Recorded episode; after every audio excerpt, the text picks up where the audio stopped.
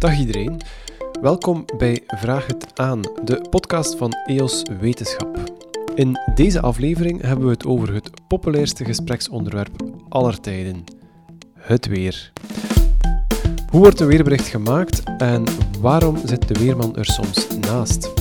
Ik vraag het aan Samuel Helsen, klimaatwetenschapper en weerman bij Noodweer Benelux.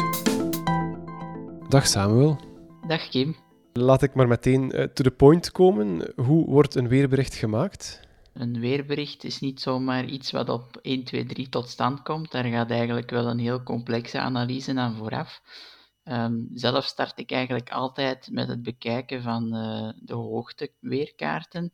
Dus dat wil zeggen dat ik ga kijken naar de straalstroom en hoe dat die ligt. En afhankelijk van de positie daarvan kan je de hoge en lage drukgebieden situeren.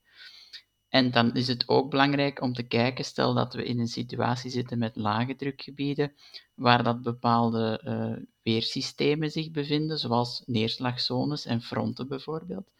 En als je daar een beeld van krijgt, dan kan je eigenlijk ook meer in detail gaan kijken naar de weersvoorspelling voor een bepaalde locatie. we maken eigenlijk in algemeen gesproken gebruik van weercomputers. Dat zijn eigenlijk heel krachtige rekenmodellen die voor ons uh, de weersituatie in kaart brengen. Er zijn verschillende soorten weercomputers voorhanden en we bekijken er ook verschillende, want soms kunnen die wel eens verschillen van elkaar. En op basis daarvan, daar komen eigenlijk die weerkaarten uit. Dus die weermodellen produceren die kaarten, die hoogtekaarten, die frontenkaarten en dergelijke. Maar wij gaan die als weerman eigenlijk interpreteren om zo een beeld te krijgen over het weer. Eenmaal dat we die grootschalige configuratie uh, in kaart hebben gebracht, van waar de drukgebieden en de fronten liggen bijvoorbeeld, ja, dan gaan we kijken in meer detail voor een bepaalde locatie. En dan gaan we naar details kijken, zoals ja, wat zal de temperatuur zijn, wat is de bewolkingsgraad, um, hoe zit het met de wind en dergelijke meer. Dus, en dat neemt toch wel een tijdje in beslag voordat zo'n weerbericht tot stand komt. Als je het weer voorspelt, dus dat is een hele klus om dat te doen, hoe ver vooruit kan je het weer eigenlijk voorspellen? Wel, met een vrij grote betrouwbaarheid kunnen we eigenlijk toch wel van 1 tot 3 à 5 dagen vooruit uh, gaan voorspellen. Maar dat is uiteraard afhankelijk van uh, de context. Hè, want soms kan het zijn dat het heel onzeker is, ook op korte termijn. Dus er zijn ook gevallen dat het zelfs heel moeilijk is om voor de dag zelf of een dag vooruit uh, met veel betrouwbaarheid en weersverwachting op te maken. Maar doorgaans ligt die betrouwbaarheid veel hoger op korte termijn, van 1 tot 5 dagen zeg maar. En gaat die betrouwbaarheid ja, naar beneden of naar omlaag, naarmate je verder gaat in de tijd. En er zit eigenlijk ook wel een absoluut maximum op van ongeveer 10 tot 14 dagen vooruit. Op die termijn kan je spreken over een bepaalde tendens, dat we weten in welke richting het gaat gaan, of het wisselvallig gaat zijn, of dat het mooi weer gaat zijn bijvoorbeeld. Maar voor details is dat veel te lang vooruit. Hè. Maar verder kijken dan 14 dagen vooruit, dat is eigenlijk simpelweg niet mogelijk, omdat ons weer eigenlijk een, een chaotisch systeem is dat zich heel moeilijk laat voorspellen. En die theorie is eigenlijk al heel lang geleden opgesteld geweest door de heer Lorentz. Edward Lorenz, die, dat was een rekenkundige die dat daar ook in het verleden al mee bezig geweest is. En die heeft die theorie eigenlijk ontwikkeld. Die heeft heel snel al gezien van, kijk, het weer is zo chaotisch dat we niet kunnen kijken langer dan 14 dagen vooruit. En ook vandaag de dag, en dat zal altijd zo blijven, gaat die betrouwbaarheid veel lager liggen op die termijn. Dus zelfs met betere computermodellen, eh, een wetenschap die vooruit gaat, blijft het onmogelijk om die uh, preciezer te voorspellen op langere termijn. Zo is dat, ja. Gewoon omdat uh, het weer een inherent uh, chaotisch systeem is, zeg maar. Die krachtige rekencomputers en meer observaties en betere observaties, die gaan ons wel helpen om op korte termijn het weerbericht accurater te maken en meer betrouwbaarheid te geven. Maar die lange termijn, daar kunnen we eigenlijk niets aan doen. Er is het weerbericht op de radio, op televisie, op, op websites. Er is ook Buienradar, de website en de app die heel populair is. Werkt die anders dan andere weerberichten? Ja, doorgaans werken weerapps eigenlijk gewoon met ruwe uh, data die rechtstreeks van de weermodellen komen. Hè. Dus uit zo'n weermodel komt heel wat data en dat kan ook rechtstreeks gevoed worden naar zo'n website, zoals bijvoorbeeld Buienradar. Uh, natuurlijk, ja, dat is meestal wel goed, denk ik, op korte termijn, maar zeker als je op langere termijn gaat kijken, dan durft dat ook wel eens mis zijn. En het is natuurlijk ook geen weerbericht zoals een meteoroloog of een weerman dat zou opstellen. Hè. Het blijft gewoon ruwe modeldata zonder enige interpretatie of nuance. Dus ook dat kan er wel eens voor zorgen dat zo'n weersverwachting op een app niet altijd 100% correct is. Nog eens over, over het voorspellen van het weer. Kan ik het zo simpel zien als uh, de wind komt uit het zuiden, je kijkt naar het weer dat zich daar in het zuiden bevindt, een dag voor ons, en dat weer komt naar ons toe? Wel, wat je eigenlijk beschrijft is correct. Zo'n weermodel dat start eigenlijk van de huidige toestand van het weer. Globaal gesproken dan. Hè. Dus zo'n model start van observaties, meetpunten wereldwijd, uh, modeldata van eerdere uh, modelruns van de weermodellen bijvoorbeeld. En die brengen eigenlijk al die informatie die beschikbaar is, uh, ook van weerradars en satellietdata en noem maar op, wordt samengebracht om een soort van beginsituatie te krijgen van het weer. En dan gaat zo'n weermodel verder rekenen in de toekomst om te gaan kijken hoe dat gaat evolueren voor een bepaalde locatie. En voor die berekeningen in de toekomst gaat zo'n model ook kijken van wat er vanuit ja, waarvan de richting van waar de wind komt, wat er daar zich eigenlijk afspeelt op dat moment. Bijvoorbeeld als we een zuidenwind hebben, en er zit bijvoorbeeld een onweerszone of een neerslagzone boven Frankrijk, ja, dan weten we ook, of dan weet ook zo'n model, dat die zuidenwind dat op een bepaald moment naar onze regio gaat voeren en dat wij dus ook met dat weer te maken gaan krijgen. Dus dat is inderdaad correct van, uh, van dat zo te beschrijven. Ja. De voorspelling van de temperatuur is vaak ook heel nauwkeurig. Bijvoorbeeld uh, voor morgen wordt er gesproken in de namiddag 27 graden. Hoe kom je op die 27 graden? Wel, dat is in eerste instantie omdat de weermodellen zeggen hè, dat die temperaturen bereikt zullen worden. Ook dat is soms moeilijk, want er is vaak ook wel verschil tussen de modellen. En dan moet je gaan nadenken van wat bepaalt nu eigenlijk dat dat model minder geeft en dat model meer. Heeft dat te maken met bewolkingsgraad bijvoorbeeld? Dat is iets wat vaak voorkomt, dat het ene model meer bewolking voorspelt dan het andere. En dat heeft uiteraard ook een effect op de temperaturen. Bijvoorbeeld ook aan de kust of er al dan niet een zeebries zou ontstaan. Dat heeft ook een heel groot effect op de temperaturen. Dus dat is ook wel een heel belangrijke nuance om te kunnen meegeven. Als je weet dat, dat de kans groot is dat zo'n zeebries zal ontstaan, dan weet je ook doorgaans dat de temperaturen vanaf het moment dat die ontstaat, zullen dalen in de kustregio's. Dus dat zijn belangrijke verschillen eh, die dat deels ook door de weermodellen voorspeld kunnen worden, maar waar ook wel wat expertise van ons als weerman voor nodig is. Met het voorspellen van regen is een beetje gelijkaardig. Er kan inderdaad regen, een regenzone op komst zijn. Hoe kan je weten dat het net op die plaats zal regenen? Dat is eigenlijk doorgaans heel moeilijk om accuraat te voorspellen. We kunnen eigenlijk quasi niet zeggen, of het is heel moeilijk of zelfs onmogelijk om tot op gemeentelijk niveau te gaan voorspellen waar dat er of wanneer dat er een bui bijvoorbeeld zal ontstaan. Nu, die verschillen uh, zijn wel afhankelijk van de weersituatie. Als je weet dat er een regenzone of een front gaat overtrekken, ja, dan krijgen we over heel België te maken met die neerslag meestal. Ik zeg meestal, want soms kan het ook verschillen hè, dat een, een front actiever is over het westen van het land, terwijl dat, dat in het oosten van het land veel minder actief is.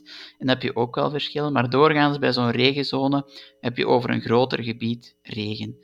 Nu, in situatie met buien of onweders is dat heel anders. Hè? Dus dan zijn dat heel lokale fenomenen en dan kunnen we eigenlijk quasi niet voorspellen waar en wanneer dat die zich gaan ontwikkelen. We kunnen dan wel zeggen dat er kans is op een bui en dat die kans groot is, maar dus die locatiedetails, dat is heel moeilijk om te geven.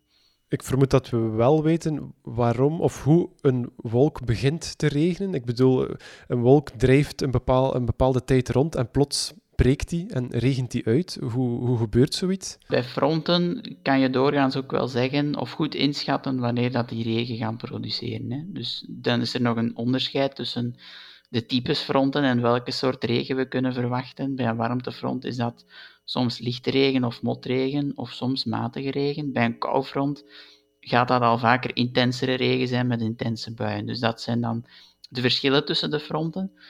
Um, en dan bij buien weten we ook doorgaans wel dat die vaker uh, intens kunnen zijn. Hè. Dus een, een regenbui, dat ontstaat in zeer specifieke omstandigheden, wanneer dat de atmosfeer onstabiel is, zo noemen we dat in weertermen. En dat is eigenlijk wanneer we te maken hebben met heel koude bovenluchten, wanneer het op 5 kilometer hoogte heel koud is, terwijl dat het aan de grond eigenlijk redelijk warm kan worden. En dan zit je in een situatie waarbij dat er heel makkelijk stapelwolken kunnen ontstaan. En door het verschil in temperatuur tussen de grond en die uh, grotere hoogte, kunnen die stapelwolken zich ook meer en meer gaan ontwikkelen en verder doorgroeien tot het buienstadium. En dat is ook heel moeilijk om te voorspellen. Soms weet je hè, dat die stapelwolken kunnen gaan ontwikkelen, maar dan zijn dat heel lokale fenomenen en heel lokaal groeit zo'n wolk uit tot een bui, terwijl het op de andere plaats volledig droog zal blijven. Dus ja, dat kunnen we dus niet voorspellen. U zei net dat het op grote hoogte kouder is dan anders, waardoor dat weerfenomeen ontstaat. Hoe meet je op grote hoogte hoe warm het daar is? Dat gebeurt ook met uh, weerballons. Hè. Dus als je een weerballon de lucht instuurt, daar zitten sensoren aan en die gaan tot kilometers ver, tot in de stratosfeer zelfs, tientallen kilometers hoog. En die meten eigenlijk hoe dat de temperatuur uh, varieert met de hoogte. Hè. We weten ook doorgaans dat de temperatuur daalt naarmate je hoger gaat. Maar uh, afhankelijk van in welke luchtsoort dat je terechtkomt en in welke weersystemen je terechtkomt, durft die temperatuur op hoogte wel eens hoger of lager liggen. En dat zijn heel belangrijke verschillen, want als je echt te maken hebt met die koude bovenlucht, is het heel vaak onstabiel. Dat zien we vaak als we in, uh, onder invloed zijn van polaire zeelucht, dus luchtstromingen van over de Noordzee uit het noorden, doorgaans. Um, als je lucht uit het zuiden krijgt, dat is warmere lucht en dan zit je ook op hoogte, meestal met die uh, warmere temperaturen. Dus vaak zijn het precies die polaire luchtsoorten die aanleiding geven tot buien en, uh, en die onstabiliteit. In het weerbericht wordt vaak ook voorspeld welk soort, welk type regen het zal zijn, want er is, er is motregen, er zijn dikke druppels. Uh, hoe, hoe voorspel je dat verschil? Dat heeft ook met de weersituatie te maken. Ik heb net al gesproken over fronten enerzijds en over buien anderzijds. Bij buien gaat het altijd of meestal over uh, dikkere druppels. En dat is omdat in zo'n stapelwolk daar zitten heel uh, turbulente luchtstromen in, met een stijgbeweging, daalbeweging continu. En dus die, die wolkendruppels gaan met elkaar uh, interageren ehm, en die gaan op een bepaald punt ook bevriezen uh, sneeuw vormen of hagel vormen. En um, die gaan dus naar beneden kunnen vallen op een bepaald moment als die bui groot genoeg is en zwaar genoeg is ook, die druppels, dat ze door de zwaartekracht naar beneden gehaald worden, dan komt dus die regen, uh, bereikt dan uiteindelijk het oppervlak. Hè. Dus in zo'n bui vertrekt dat eigenlijk als hagel of sneeuw, en naarmate het daalt en het warmer wordt, komt er dus regen uit. En in zo'n geval van zo'n bui zijn dat heel vaak dikke druppels. Nu kan het ook zijn in bepaalde situaties met fronten bijvoorbeeld, bij een warmtefront, dat je gewoon een heel dikke laag bewolking hebt en dat die bewolking eigenlijk dik genoeg is dat de wolkendruppels uh, of wolkendeeltjes met elkaar gaan interageren en samenvloeien, zodat er een kleine druppel ontstaat. Maar dus dan kan je spreken over lichte regen of motregen en de doormeter of de diameter van zo'n druppel is in zo'n geval veel kleiner. En dus Um, bij lichte regen of motregen zijn dat micrometers. En bij een bui kan je over micrometers tot millimeters spreken. Dus dat is eigenlijk het verschil in die types regen. In weerberichten, maar misschien kennen we het vooral van, van, van de buienradar, wordt er ook vaak een percentage gegeven aan de, aan de regenkans, aan de neerslagkans. Dan staat er bijvoorbeeld 60% kans op neerslag om, om, om twee uur s middags. Wat betekent dat percentage? Hoe moet je dat interpreteren? Dat is omdat het weerbericht heel vaak ook een kansberekening is. Ik heb al gezegd, zo'n bui, ja, je kan wel voorspellen dat de kans groot is dat dat gaat voorvallen, maar je weet nooit 100% op welke locatie of op welk tijdstip dat dat gaat zijn. Dus dat is altijd voorwaardelijk. En dus zo'n app kan dan aangeven als de lucht onstabiel is bijvoorbeeld en je weet dat de kans op een bui groot is, ja, dat je dan met een regenkans zit van boven de 50%. Uh, als dat een heel lokaal fenomeen is en het echt maar op ja, een heel kleine schaal gaat voorkomen, dan zal het misschien net onder de 50% liggen. Maar als je weet dat er een regensysteem aankomt of uh, een onweerszone bijvoorbeeld op een bepaald tijdstip, ja, dan gaat die regenkans veel groter zijn.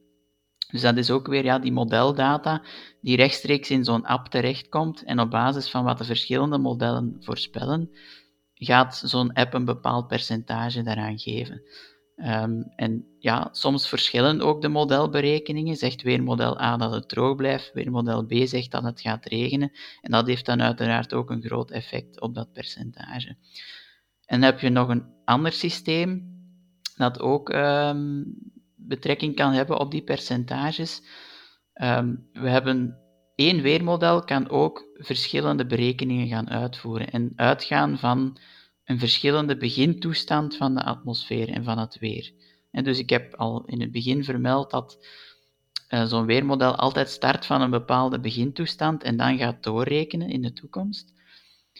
Um, maar om die onzekerheid naar de toekomst in kaart te brengen, wordt er vaak een soort van artificiële verstoring aangebracht in die begintoestand, zodanig dat je eigenlijk verschillende scenario's krijgt met een die verschillend zijn in de begintoestand.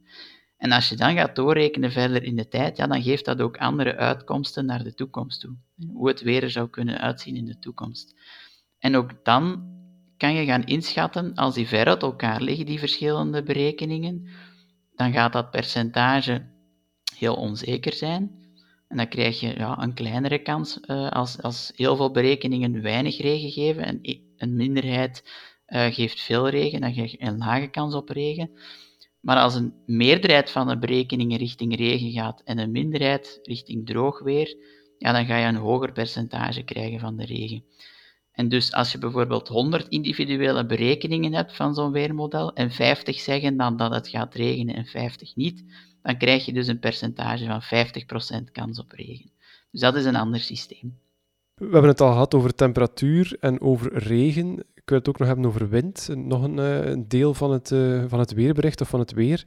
Um, opnieuw, hoe voorspel je windrichting, windkracht? We hebben daar dus ook vandaag de dag die weermodellen voor, hè, die dat dus die weerkaarten ons voorschotelen en wij dan kunnen zeggen als we die bekijken, oké, de weermodellen geven die windrichting en die windkracht aan. Um, maar we kunnen ook gaan kijken iets dieper naar de achterliggende oorzaken en hoe dat wind tot stand komt bijvoorbeeld. Hè.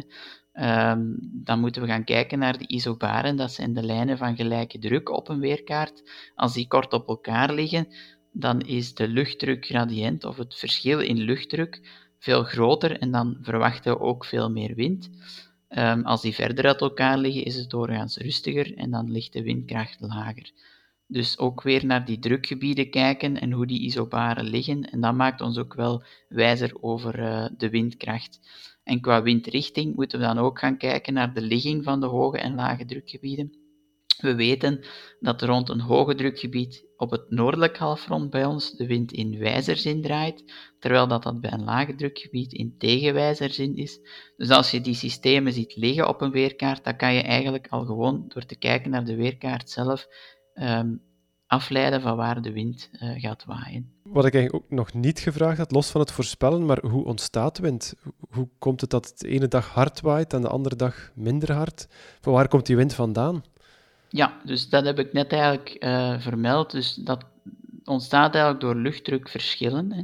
Je hebt gebieden met hoge luchtdruk en je hebt gebieden met lage luchtdruk. En daartussen krijg je dus verschillen en een drukgradient. En het is eigenlijk dat verschil in luchtdruk dat luchtverplaatsingen teweeg brengt van de hoge naar de lage druk. En dus als je dat simpel zou vatten, dan zou eigenlijk de wind lineair van de hoge naar de lage druk moeten stromen.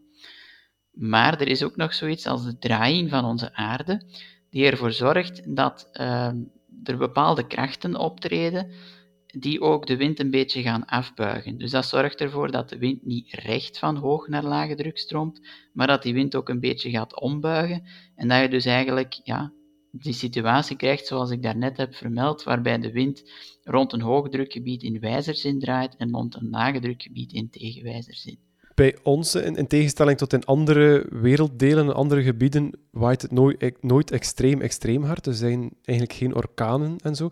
Hoe komt dat dat we daar hier niet mee te maken hebben en in andere werelddelen wel? Wel, er is eigenlijk een verschil tussen uh, tropische stormen en extratropische stormen. Hè. Wij zitten dus niet in de tropen, wij zitten uh, rond de 50, 60ste breedtegraad. En wij kunnen wel gewone stormen krijgen, dat zijn eigenlijk gewoon lage drukgebieden die heel krachtig worden en fel uittypen en dus ook veel wind met zich meebrengen. En die kunnen potentieel ook uitgroeien tot orkaankracht, dan spreken we over meer dan 12 bovar. Uh, maar echte orkanen, zoals we die uh, rond de tropen wel kennen, die komen bij ons niet voor. En dat is dan voornamelijk omdat de zeewatertemperaturen bij ons in onze regio's niet hoog genoeg liggen. Dus om zo'n tropische storm of orkaan te kunnen doen ontstaan, heb je heel warm zeewater nodig van minstens 26 à 27 graden Celsius. Ja, en onze Noordzee uh, die bereikt nooit zulke temperaturen. Dus wij zullen hier in het noordelijk halfrond bij ons uh, daar niet voor moeten vrezen. Wat wel kan voorkomen is dat de restanten van zo'n tropische storm opgenomen worden door de, de straalstroom en uiteindelijk wel als een gewoon lage drukgebied tot bij ons komen. En dan kunnen wij ook afgezwakte orkanen eigenlijk als gewone lage drukgebieden met veel wind, die kunnen dan ook tot bij ons uh, terechtkomen. Maar echt orkanen zoals in de tropen, die zullen we nooit uh, bij ons kunnen zien. Dan wil ik u ook nog een aantal uh, termen voorleggen. Een aantal termen die vaak gebruikt worden in een weerbericht. En termen die ik ook uh, nu al gehoord heb van u. en ik wil u vragen of u die kort kunt, kunt verklaren, kunt verduidelijken. een depressie bijvoorbeeld. Wat is een depressie? Een depressie is eigenlijk een zone van lage druk. Hè? Dus een lage drukgebied Um, en een lage drukgebied gaat gepaard met stijgende opwaartse luchtbewegingen, gaat meestal ook gepaard met een toename van de windkracht. En daaraan verbonden ja, krijg je dus ook onstabiel weer met regenzones of fronten die zich ontwikkelen, of buienlijnen die daar omheen krullen. Dus doorgaans, ja, als we met een lage drukgebied of een depressie te maken hebben, dan hebben we niet zo'n fraai weer. De straalstroom, die heeft u ook al genoemd. Wat is de straalstroom en hoe beïnvloedt die ons weer? De straalstroom is eigenlijk een, eh, een stevige rivier van uh, lucht op grote hoogte. Dus dat is eh, een, een serieuze band van grote windsnelheden op zo'n 10 tot 13 kilometer hoogte, heel hoog in onze atmosfeer. En die maakt bepaalde bewegingen, die kan uh, beginnen kronkelen. En afhankelijk van hoe die straalstroom uh, zich voortbeweegt en of waar wij zich ons bevinden ten opzichte van die straalstroom, hebben we te maken met hoge of lage drukgebieden. Dus de straalstroom is eigenlijk de motor van ons weer, want die stuurt die hoge en lage drukgebieden aan. Om een voorbeeld te geven, ehm, als je in een kronkel zit die naar het zuiden gericht is, dan krijgen we lage drukgebieden en is het vaak ook kouder. Als we onder een opgaande tak van de straalstroom liggen, dus een kronkel die richting het noorden uh, beweegt, dan krijgen we doorgaans meer hoge drukgebieden en kan er ook warmer lucht van het zuiden richting ons stromen. Dus afhankelijk van de ligging van de straalstroom bepaalt dat of we met hoge of lage drukgebieden te maken hebben. En de straalstroom zelf, die wordt eigenlijk aangedreven door het temperatuurscontrast tussen de evenaarsgebieden en de poolgebieden. En onze regio die situeert zich daar eigenlijk mooi tussen, dus dat is eigenlijk de, de reden waarom de straalstroom zo vaak actief is boven onze contraien en waarom wij vaak met lage drukgebieden en depressies te maken krijgen. Als die straalstroom zich echt pal op ons richt, dan krijgen we doorgaans ook heel wisselvallig weer. Dan ook nog over het uh, weerbericht. Als we de weerkaarten zien, dan zijn er uh, blauwe, rode, paarse lijnen, maar ook bollen, driehoekjes als ik het juist heb. Wat betekenen die? Wel, dat zijn eigenlijk de regenzones of de fronten eh, die we vaak op de weerkaart zien, uh, zien verschijnen. Hè. Dus, en zo'n depressies of lage drukgebieden, die gaan vaak gepaard met zo'n fronten en regenzones. En je hebt eigenlijk verschillende types fronten. Enerzijds heb je een warmtefront. En een warmtefront, als je daarachter komt, dan komt er eigenlijk warmere lucht naar ons toe. Hè. Dus als een warmtefront over ons beweegt en dat passeert, dan komen we in warmere lucht terecht. Anderzijds heb je ook een koufront. En een koufront, als dat passeert, komen we terecht in koudere luchtsoorten. Uh, en koufronten bewegen doorgaans veel sneller dan een warmtefront en dan gaat eigenlijk naarmate een depressie zich verder gaat ontwikkelen ook het warmtefront inhalen. En waar die twee elkaar inhalen ontstaat een occlusiefront. En een occlusiefront dat herkennen we eigenlijk als de paarse lijntjes op de weerkaarten. Een koufront is de blauwe lijn met driehoekjes en een warmtefront is een rode lijn met halve bolletjes eraan. Dus dat zijn eigenlijk de weersystemen waarmee we vaak te maken krijgen en die dat we dus op de weerkaarten heel vaak uh, zien verschijnen. Een zeebries heeft u ook al genoemd. Wat is een zeebries? Een zeebries ontstaat eigenlijk doordat op een warme zomerdag, dan ontstaat die heel vaak, er een tekort aan lucht ontstaat boven het land.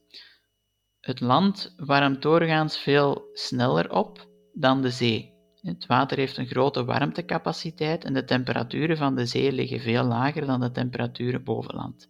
Dus op een warme zomerdag, als de zon de aardbodem opwarmt, dan krijg je opwaartse luchtbewegingen, doordat die bodem opwarmt en je eigenlijk thermiekbellen krijgt die, die opstijgen. En zo ontstaat er boven het land eigenlijk een tekort aan lucht. Terwijl dat er boven de zee eigenlijk ehm, te veel lucht aanwezig is. En dat verschil in, in, in die luchtdensiteit zorgt er eigenlijk voor dat er een stroming ontstaat van over de zee richting het land. En zo ontstaat eigenlijk de zeebries. Zo krijg je eigenlijk een soort van circulatiecel met opstijgende luchtbewegingen boven het land. Die gaan richting de zee, hogerop. Boven de zee krijg je dalende luchtbewegingen en je krijgt een luchtstroom van over het zeeoppervlak richting uh, het land, dus verder landinwaarts. En op die manier is eigenlijk de zeebries uh, geboren, want die verplaatsing aan lucht, dat voelen we eigenlijk als die toename van de wind in de kustregio. Nu, een zeebries ontstaat eigenlijk meestal wanneer er slechts een zwakke wind staat uh, van op het land. Als de wind van over land komt en die is te stevig, dan krijgt de zeebries eigenlijk veel minder kans om te ontstaan. Dus het is heel belangrijk dat op een heel rustige dag met heel weinig wind, dat dan eigenlijk die zeebries uh, voornamelijk zich kan ontwikkelen. Dan nog een, een, laatste term, een term die denk ik door Weerman Frank de Bozere uitgevonden is, het ochtendgrijs. Wat is dat precies en vooral hoe, voorspel je dat? Hoe weet je dat het uh, ochtendgrijs er zal zijn? Ochtendgrijs is eigenlijk een heel brede en algemene term en kan um, ja, betekenen dat er ochtends ofwel nevel of mist voorkomt, ofwel ook lage bewolking. En we zien eigenlijk vaak, en zeker in de herfstperiode en richting de winter, omdat dan de nachten veel langer zijn, um, dat er zich tijdens de nacht nevel en mist kunnen vormen, of lage bewolking, en dan sta je ochtends op met een grijze lucht, door de nevel en de mist en of de lage bewolking. En nu, naarmate de dag vordert, gaat de zon ook het aardoppervlak meer kunnen opwarmen en gaat die eigenlijk stilaan dat ochtendgrijs doen opbranden. Die gaat ervoor zorgen dat die waterpartikeltjes van de, van de nevel en de mist of de lage bewolking, dat die stilaan kunnen verdampen en die kunnen oplossen naarmate de dag vordert. En zo krijg je eigenlijk een grijs begin van de dag, dat naarmate de dag vordert stilaan opgeruimd geraakt door de zon. Nu, dat opruimen van dat ochtendgrijs, nevel, mist of lage bewolking, dat gaat doorgaans veel sneller in de lente of de zomer, omdat dan eigenlijk de zon veel krachtiger is om, om dat op te ruimen. En je ziet eigenlijk vaak in de herfst- en in de winterperiode dat dat soms niet gebeurt. En dus als er zich dan nevel, mist of lage bewolking vormen, dan kan dat zelfs voor heel de dag uh, zijn dat we daar te, mee te maken hebben. En dan krijgen we soms ja, heel sombere en grijze dagen. Maar in de zomer geraakt dat meestal wel opgeruimd. Ja. Als ik het goed begrijp, ontstaat die lage bewolking of die, die nevel of die mist dan in vochtige, koude nachten? Ja. Ja. ja, er zijn verschillende soorten types mist, maar de soort mist die eigenlijk het meest voorkomt is stralingsmist. Dat is mist die ontstaat doorheen de nacht, omdat het s'nachts afkoelt. Het aardoppervlak koelt af, die warmte van de bodem wordt afgegeven en doordat de lucht eigenlijk afkoelt, kan er ook op een bepaald moment condensatie optreden. En condensatie betekent dat waterdamp gaat condenseren tot water. En dan krijg je eigenlijk de waterdamp die in de lucht zit, die gaat transformeren in water en die waterdruppeltjes die kunnen dan beginnen rondzweven als nevel en mist. Dat ontstaat meestal eerst net boven de grond en als er genoeg, net genoeg wind staat, want dat is ook wel belangrijk voor mist, dat er toch wel een beetje wind staat om een beetje menging te doen creëren, zodanig dat die mist zich ook verder in de hoogte kan gaan uitbreiden. Als er te weinig wind staat, dan is dat meestal gewoon mist laag boven de grond. En als er te veel wind staat, dan heeft mist eigenlijk geen kans om te vormen en dan zal het meestal over lage bewolking gaan, want dan wordt eigenlijk, ja, die lucht, dan zijn de luchtverplaatsingen te groot om die mistdeeltjes in de lucht te houden en dan worden die gemengd met de hogere luchtlagen en dan kan het zijn dat er ook wel lage bewolking ontstaat. Dus dat is geen gemakkelijke materie, ook niet om te voorspellen. En dat is eigenlijk een beetje een voorbeeld van um, waarvoor je bijvoorbeeld een weerman zou kunnen nodig hebben om zo'n situatie goed in te schatten. Wij kunnen, als wij de profielen van, van de hoeveelheid vocht door, doorheen de luchtkolom bekijken, dan kunnen wij eigenlijk goed inschatten wanneer dat er nevel, mist of lage bewolking gaat gevormd worden. En een weerapp zal, daar, uh, zal het daar toch wel moeilijker mee hebben om dat correct in te schatten. Ja. Soms maken mensen zich toch druk over wat de weerman of de weervrouw gezegd heeft, omdat die ernaast zat. Uh, de zon die voorspeld was, komt er toch niet door, of er komt toch regen, of net niet. Hoe komt het dat je er toch naast kunt zitten ook? Enerzijds, zoals ik al gezegd heb, omdat het weer eigenlijk een chaotisch systeem is dat zich niet zomaar laat voorspellen. Nu, op korte termijn kunnen we dat doorgaans wel vrij goed, hè, maar ik heb het ook gezegd, er zijn een aantal situaties waarbij dat het wel eens mis kan lopen. Um, en dat is eigenlijk ook omdat wij beroep doen op de data van de weermodellen, die krachtige rekencomputers. Maar ook dat zijn slechts modellen en benaderingen van de realiteit. Daar zitten heel veel wiskundige formules in die een veelheid aan, aan data verwerken om tot een weersvoorspelling te komen. Maar het is en blijft een rekenkundig model met zijn uh, limieten en zijn uh, onzekerheden. Dus een model blijft een model en een weersverwachting zal maar zo accuraat zijn als het model zelf. Dus als de modellen fout zitten, dan zit de weerman ook fout. Kunnen we het weer vandaag eigenlijk beter voorspellen dan, het, dan we het vroeger konden doen? Is het vandaag nauwkeuriger of preciezer uh, dan vroeger? Dat kunnen we zeker wel stellen, want ten opzichte van uh, het midden van vorige eeuw, ten opzichte van nu, is er heel wat veranderd. Hè. De wetenschap is vooruit gegaan, we kennen veel meer over de weersystemen en hoe bepaalde weerfenomenen ontstaan. Maar anderzijds hebben we ook veel meer data ter beschikking om onze weersverwachtingen accurater te maken. We hebben doorheen de jaren meer observatietechnieken gekregen, zoals de ontwikkeling van de weerradar, zoals de ontwikkeling van de satellietbeelden. En die hebben er toch wel voor gezorgd dat eh, de betrouwbaarheid sinds uh, ja, de jaren 80 of jaren 70, 80 tot nu, dat dat toch wel uh, sterk verhoogd is. Hè. We zitten voor drie dagen vooruit nu aan een betrouwbaarheid van uh, 90, 95 procent. Ook voor vijf dagen vooruit ligt dat doorgaans rond 90 procent. En dan omwille van die chaotische effecten in, in onze atmosfeer, in ons weersysteem, ligt die betrouwbaarheid voor 7 tot 10 dagen nog wel uh, een pak lager. En dat zal ook nog wel zo blijven, maar op korte termijn is dat echt wel uh, sterk geëvolueerd uh, de laatste decennia. Ja, betekent het ook dat we in de komende jaren, komende decennia, nog preciezer het weer zullen kunnen voorspellen, of beginnen we limieten te bereiken? Ik denk inderdaad dat we toch wel stilaan ook wel aan de limieten zitten, maar uh, ja, de weercomputers worden nog altijd krachtiger, er is nog altijd vooruitgang op dat vlak en de, de, de resolutie van de modellen wordt ook hoger. En dat is heel belangrijk voor bijvoorbeeld uh, de kans op buien te kunnen inschatten. Het ontstaan van zo'n stapelwolk en zo'n bui, dat is een vrij kleinschalig proces. En daar heb je eigenlijk heel hoge resolutiemodellen voor nodig.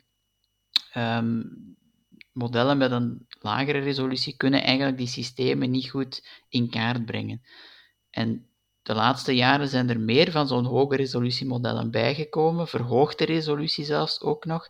En dat betekent dus ook dat we ja, die kansen op buien en, en specifiek in zo'n situaties dat we de betrouwbaarheden of de accuraatheid van de weersverwachtingen toch nog wel wat kunnen verhogen. Maakt de klimaatverandering het eigenlijk ook moeilijker om het weer correct te voorspellen, nu of in de toekomst? Klimaatverandering beïnvloedt ons weer, maar het maakt het niet per se moeilijker om het te gaan voorspellen. Um, het is wel zo dat de extreme omstandigheden uh, toenemen, dus dat we vaker weer extreme zien.